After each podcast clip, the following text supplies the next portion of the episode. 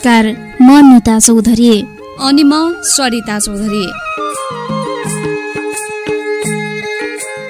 कार्यक्रम हाम्रो सरोकारको आजको अङ्कमा हार्दिक स्वागत छ। कार्यक्रम हाम्रो सरकार रेडियो तुलसीपुर एक सय दशमलव दुई मेगाहर्जबाट हरेक हप्ताको आइतबार साँझ सात बजेर यसको पुनः प्रसारण सोमबार बिहान नौ बजे सुन्दै आउनु भएको छ।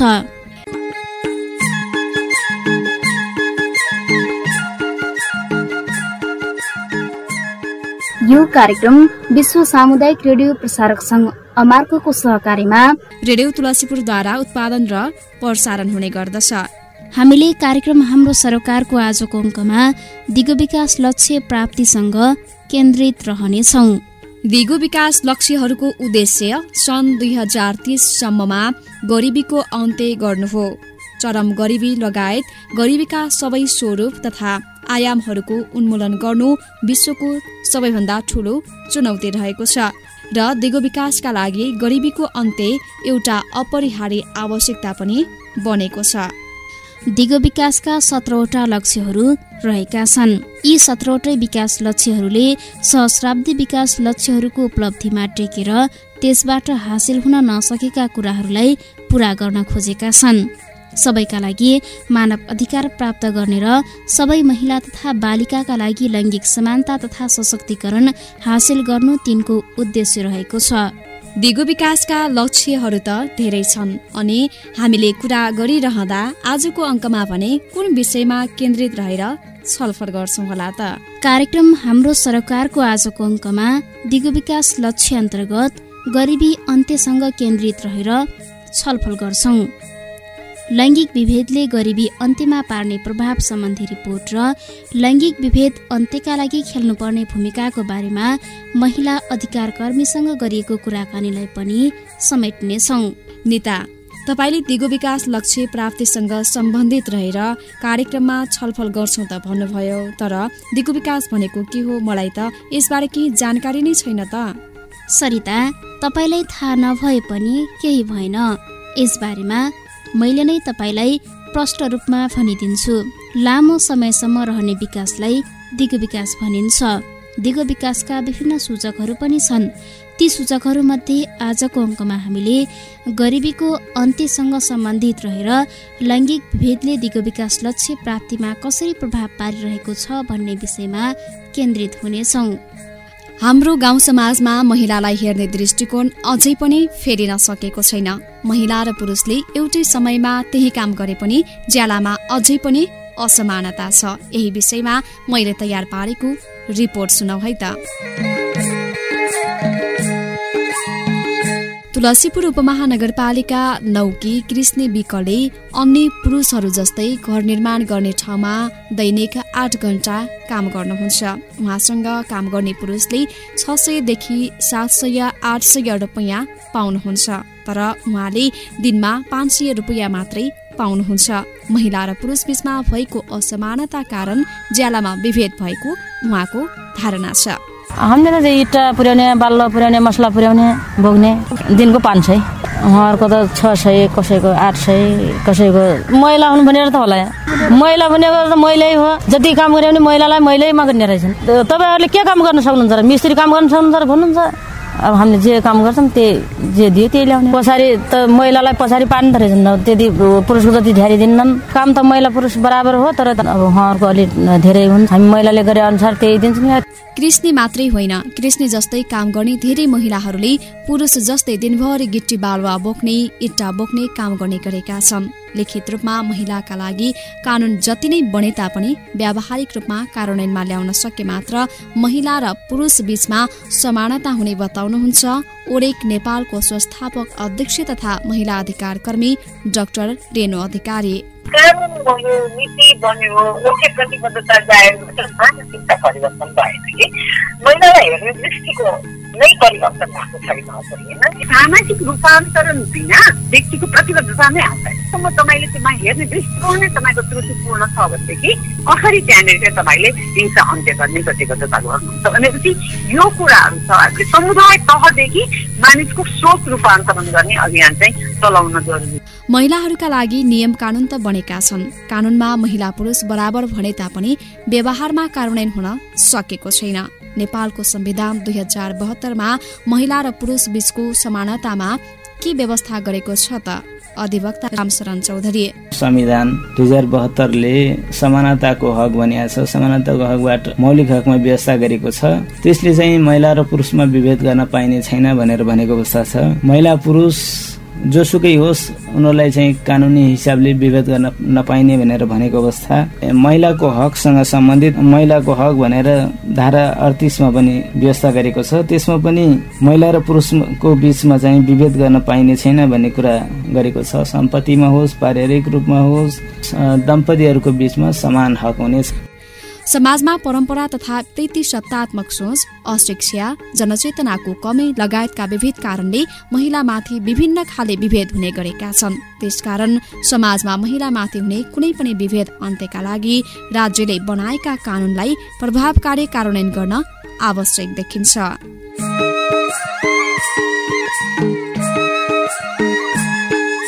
रिपोर्टपछि अब कार्यक्रम हाम्रो सरोकारमा कुराकानीतर्फ लागौं। कुराकानीको लागि आज हामीसँग हुनुहुन्छ अन्तर्पार्टी महिला सञ्जाल बबई गाउँपालिकाकी अध्यक्ष दिपा केसी। लैङ्गिक विभेद विभेद त व्याप्त नै छ अहिले पनि। पहिले दबेर रहेको थियो होइन महिलाहरूले आवाज बाहिर ल्याउन सक्थेनन् त्यो अनुसारको कानुन पनि थिएन देशमा।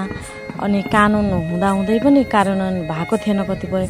अहिले स्थानीय तहहरू भइसकेपछि जनप्रतिनिधिहरू आइसकेपछि हाम्रो न्यायिक समिति बनिसकेपछि महिलाहरूलाई सजिलो भएको छ। यो विषयमा घटनाहरू बाहिर ल्याउन बाहिर आउन सजिलो भएको छ। र दिनकै एकदम दैनिक रूपमा यो लैङ्गिक विभेदका कारण भएका घटनाहरू आउने गरेका छन् होइन? हाम्रो सञ्जाल मार्फतबाट पनि आउने गरेका छन् गरेका छन् कतिपय। कतिपय न्यायिक समिति माध्यमबाट दैनिक रूपमा त्यो भइरहेको छ होइन? न्याय दिलाउने काम पनि जति भइरहेछ त्यति रूपमा बाहिर घटनाहरू पनि आइरहेछ। यो यो घटना महिला हिंसाका घटनाहरू बढी आउनु भने यही लैङ्गिक विभेद नै हो होइन? कुनै न कुनै माध्यमबाट विभेद हुन्छ। झगडाको इस्यु द्वन्द्वको इस्यु त्यहीँबाट भन्छ। अब यसलाई अन्त्य गर्न न्यूनीकरण गर्नको लागि चाहिँ के गर्नुपर्छ होला जस्तो लाग्छ? राज्यले त आफ्नो तर्फबाट गरिराखेको छ होइन? कानुनी रूपमा कानुनमा आइरहेको कुरा छ।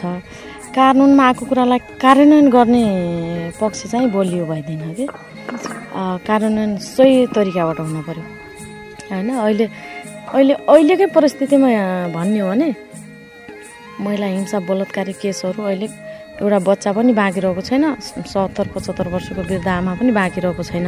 यो एकदम गम्भीर मुद्दा महिलाको विषयमा यो ठुलो चुनौती। अनि यो विषयमा हामी आवाज उठाउन र सम्बन्धित तहमा तत्कालमा भएका व्यक्तिहरू यहाँनिर यस्तो अन्याय छ यसरी जानु हुँदैन हामी भनेर लड्नतिर छैनौँ आफ्नै कुर्सीका लागि लडाइँमा छौँ। होइन? जे समाजले जे जनताले खोजिरहेको छ त्यो अनुसारको लडाइँ हामी गरेका छैनौँ होइन? म दुई चारजना महिलाले आवाज उठाएर कार्यान्वयन पनि भएको छैन। यो पुरुष प्रधान समाज पुरुष प्रधान सोचको अन्त्य भएकै छैन कि? कानुनी रूपमा आए पनि केही घटनाहरू कार्यान्वयनमा गए पनि यो सोच जुन छ नि हाम्रो यो सोचमा परिवर्तन आएको छैन। जबसम्म यो सोच पुरुष प्रधान सोचमा परिवर्तन आउँदैन तबसम्म महिला लैङ्गिक विभेदका कुराहरू अन्त्य हुँदैनन् जस्तो लाग्छ मलाई। लैङ्गिक विभेद पनि हामी अघि पनि धेरै कुरा गऱ्यौँ। लैङ्गिक विभेद धेरै भइरहेको छ हिंसा पनि धेरै भइरहेको छ र यसलाई चाहिँ एउटा क्याटेगोरीमा बाँडेर हेर्न सकिन्छ भन्ने कुरा पनि गर्नुभयो। खास गरी लैङ्गिक विभेद महिला र पुरुष बिचमा जुन लैङ्गिक विभेद गरिन्छ त्यो चाहिँ खासमा के कारणले चाहिँ हुन्छ होला जस्तो लाग्छ? यो कारण त आर्थिक रूपमा महिला सशक्त नहुनु नै हो। आर्थिक रूपमा क्रान्ति ल्याउन आवश्यक छ। यसो हेरियो भने जुन महिला आर्थिक रूपमा सशक्त छ त्यसले दुई चारवटा कुरा बुझेको पनि छ समाजमा। त्यसलाई त्यहाँ त्यो समाजमा त्यो महिलालाई हेर्ने दृष्टिकोण पनि फरक छ। होइन जो आर्थिक रूपमा सम्पन्न छैन पुरुषमा निर्भर छ परिवारमा निर्भर छ उसले धेरै किसिमका हिंसाहरू सहन परेको छ कि? अहिले मलाई यो हिंसा भएको छ यसमा आवाज उठायो भने त भोलि मलाई कसले हेर्ने? मेरो जाने ठाउँ अन्त पनि छैन गरी खाने अर्को प्रयास पनि छैन। त्यस्तो भएको कारणले धेरै हिंसामा महिला आर्थिक रूपमा सशक्त नभएरै परेका छन्। आर्थिक रूपमा सशक्त हुन्छ भने त उसलाई सामान्य कुराको त मतलबै हुँदैन नि। होइन कमाउने बुहारी छ कमाउने श्रीमती छ भने सानो सानो कुराको टिप टिका टिप्पणी परिवारले पनि गरेको हुँदैन नि।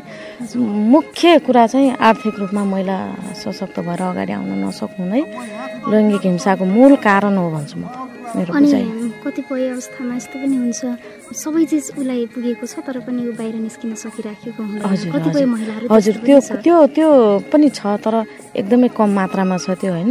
सम्पन्न मान्छे हरेक कुराबाट सम्पन्न हुन्छ हरेक कुराबाट अगाडि भएकै हुन्छ। त्यो बढी पुरुष प्रधान सोच भएको परिवार होइन? परिवारले दबाई राखेर बोल्न दिएको छैन बोल्न दिएको छैन बाहिर उत्रिन दिएको छैन होइन? दबाएर राखेको छ। कहीँनिर त्यस्तो ठाउँमा जनचेतनाको पनि आवश्यकता छ।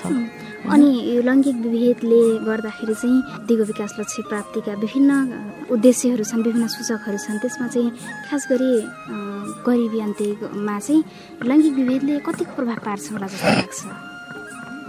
गरिबी अन्त्यको लागि लैङ्गिक विभेदले त पार्छ नि। होइन लैङ्गिक रूपमा अब मानौँ एउटा उदाहरणको लागि घरमा श्रीमान श्रीमतीकै मेल छैन भने त्यो त्यो परिवार पनि हरेक काममा ब्याग हुन्छ कि। श्रीमानको काममा श्रीमतीले सपोर्ट गरेन श्रीमा श्रीमतीको काममा श्रीमानले सपोर्ट गरेन भने चाहिँ हरेक कुरामा असफल हुन्छ। एउटा हाम्रो यो पितृसत्तात्मक सोच भएको समाजका पुरुषहरूले के पनि बुझिदिन पर्यो भन्दा जति महिलालाई हामीले कुण्ठित गरेर राख्छौँ त्यति नै हामी पनि कुण्ठित भएका छौँ भन्ने कुरा बुझ्नु पऱ्यो कि? जुन परिवारमा महिला स्वतन्त्र हुन्छ महिलाको सम्मान हुन्छ त्यो परिवारमा पुरुष पनि त स्वतन्त्र हुन्छ। त्यो कुरा बुझ्नु पऱ्यो परिवारले। चाहिँ हिंसा हुने क्रममा कतिपय ठाउँमा त स्वयं महिलाहरूको पनि हुन्छ नि त। अब महिला भएकै कारणले महिलाले पछाडि पार्ने अवस्था पनि छ। महिलाको कारणले महिलालाई पछाडि पार्ने कारण हामीले जुन नजरले झट्ट त्यो देखे पनि त्यसको ब्याक साइडमा फेरि पुरुष नै हुन्छ कि? पुरुष नै हुन्छ। अब मानौँ एउटा महिला हुन्छ घरमा अर्को श्रीमती ल्याएर आएको हुन्छ। हामीले सोच्छौँ कि अगाडिको महिलाको पछाडि आउने महिलाले इज्जत गरेन। महिलाले महिला महिलालाई बुझेन भन्ने छ। तर पुरुषले घर श्रीमती छ भन्ने कुराको जानकारी नै नगराएर पछाडि ल्याएको हुन्छ कि? गम्भीर तरिकाले सोच्यौँ भने त्यसको साइडमा फेरि पुरुष नै हुन्छ कि? त्यस्तो छ। अब लैङ्गिक विभेद अन्त्य गर्नको लागि चाहिँ कसको भूमिका के हुन्छ होला जस्तो लाग्छ तपाईँको? लैङ्गिक विभेद अन्त्यको लागि त अहम भूमिका स्थानीय तहले राख्न पर्यो होइन। राज्यले गर्ने त गरेकै छ कानुन बनाइदिएकै छ। स्थानीय तहले एकदमै अहम भूमिका। स्थानीय तहमा जुन माथिल्लो लेभलमा रहनुभएका पुरुषले नै बुझ्नु भएको छैन भने उहाँहरूले समाजमा के बुझाउनुहुन्छ भन्ने लाग्छ कि मलाई। उहाँ स्थानीय लेभलको सबै अग्रजहरूले पहिला बुझ्न जरुरी छ र सँगसँगै समाजमा शिक्षा त्यस्तै किसिमको होइन जनचेतना त्यस्तै किसिमको आगामी कार्यक्रमहरू त्यस्तै किसिमका ल्याइयो भने पूर्ण रूपले निर्मूल नभए पनि यता कता रहे पनि न्यूनीकरण चाहिँ हुन्छ। अनि हामी हरेक समाजबाट बुझ्ने अगुवा महिलाहरू अगुवा पुरुषहरूले लिडिङ गर्न पर्यो होइन? बुझाउन पर्यो। जुन ठाउँमा द्वन्द्व छ त्यसको इस्यु के हो त? त्यो पत्ता लगाएर त्यसको विषयमा यस्तो भनेर बुझाउन सक्ने होइन? एकपटक बुझ्दैन दुईपटक बुझ्दैन तिनपटकमा मान्छेले बुझ्छ। त्यसरी हामी सबै स्थानीय तहदेखि लिएर केन्द्र तहसम्म। र समाजमा रहनुभएका महिला अगुवा मित्रहरू पुरुष अगुवा मित्रहरू सबै पोजिटिभ तरिकाले लाग्यौँ भने चाहिँ यो न्यूनीकरण गर्न सकिन्छ।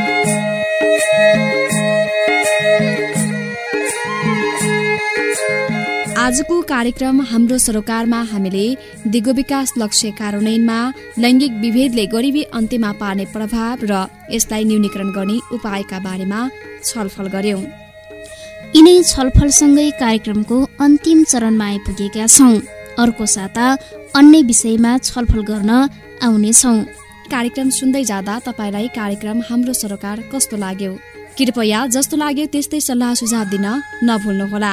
सल्लाह सुझावको लागि रेडियो तुलसीपुरको फोन नम्बर शून्य बयासी पाँच बिस एक सात नौमा फोन गरेर सल्लाह सुझाव दिन सक्नुहुन्छ। आजलाई कार्यक्रम हाम्रो सरोकारको समय सकिएको छ। कार्यक्रम अवधिभर हामीलाई सुनेर साथ दिने सम्पूर्ण श्रोताहरूलाई धेरै धेरै धन्यवाद। अनि प्राविधिक मित्र राजन केसीलाई पनि धन्यवाद भन्दै कार्यक्रमबाट म निता चौधरी अनि म सरिता चौधरी पनि बिदा हुन्छौ नमस्कार।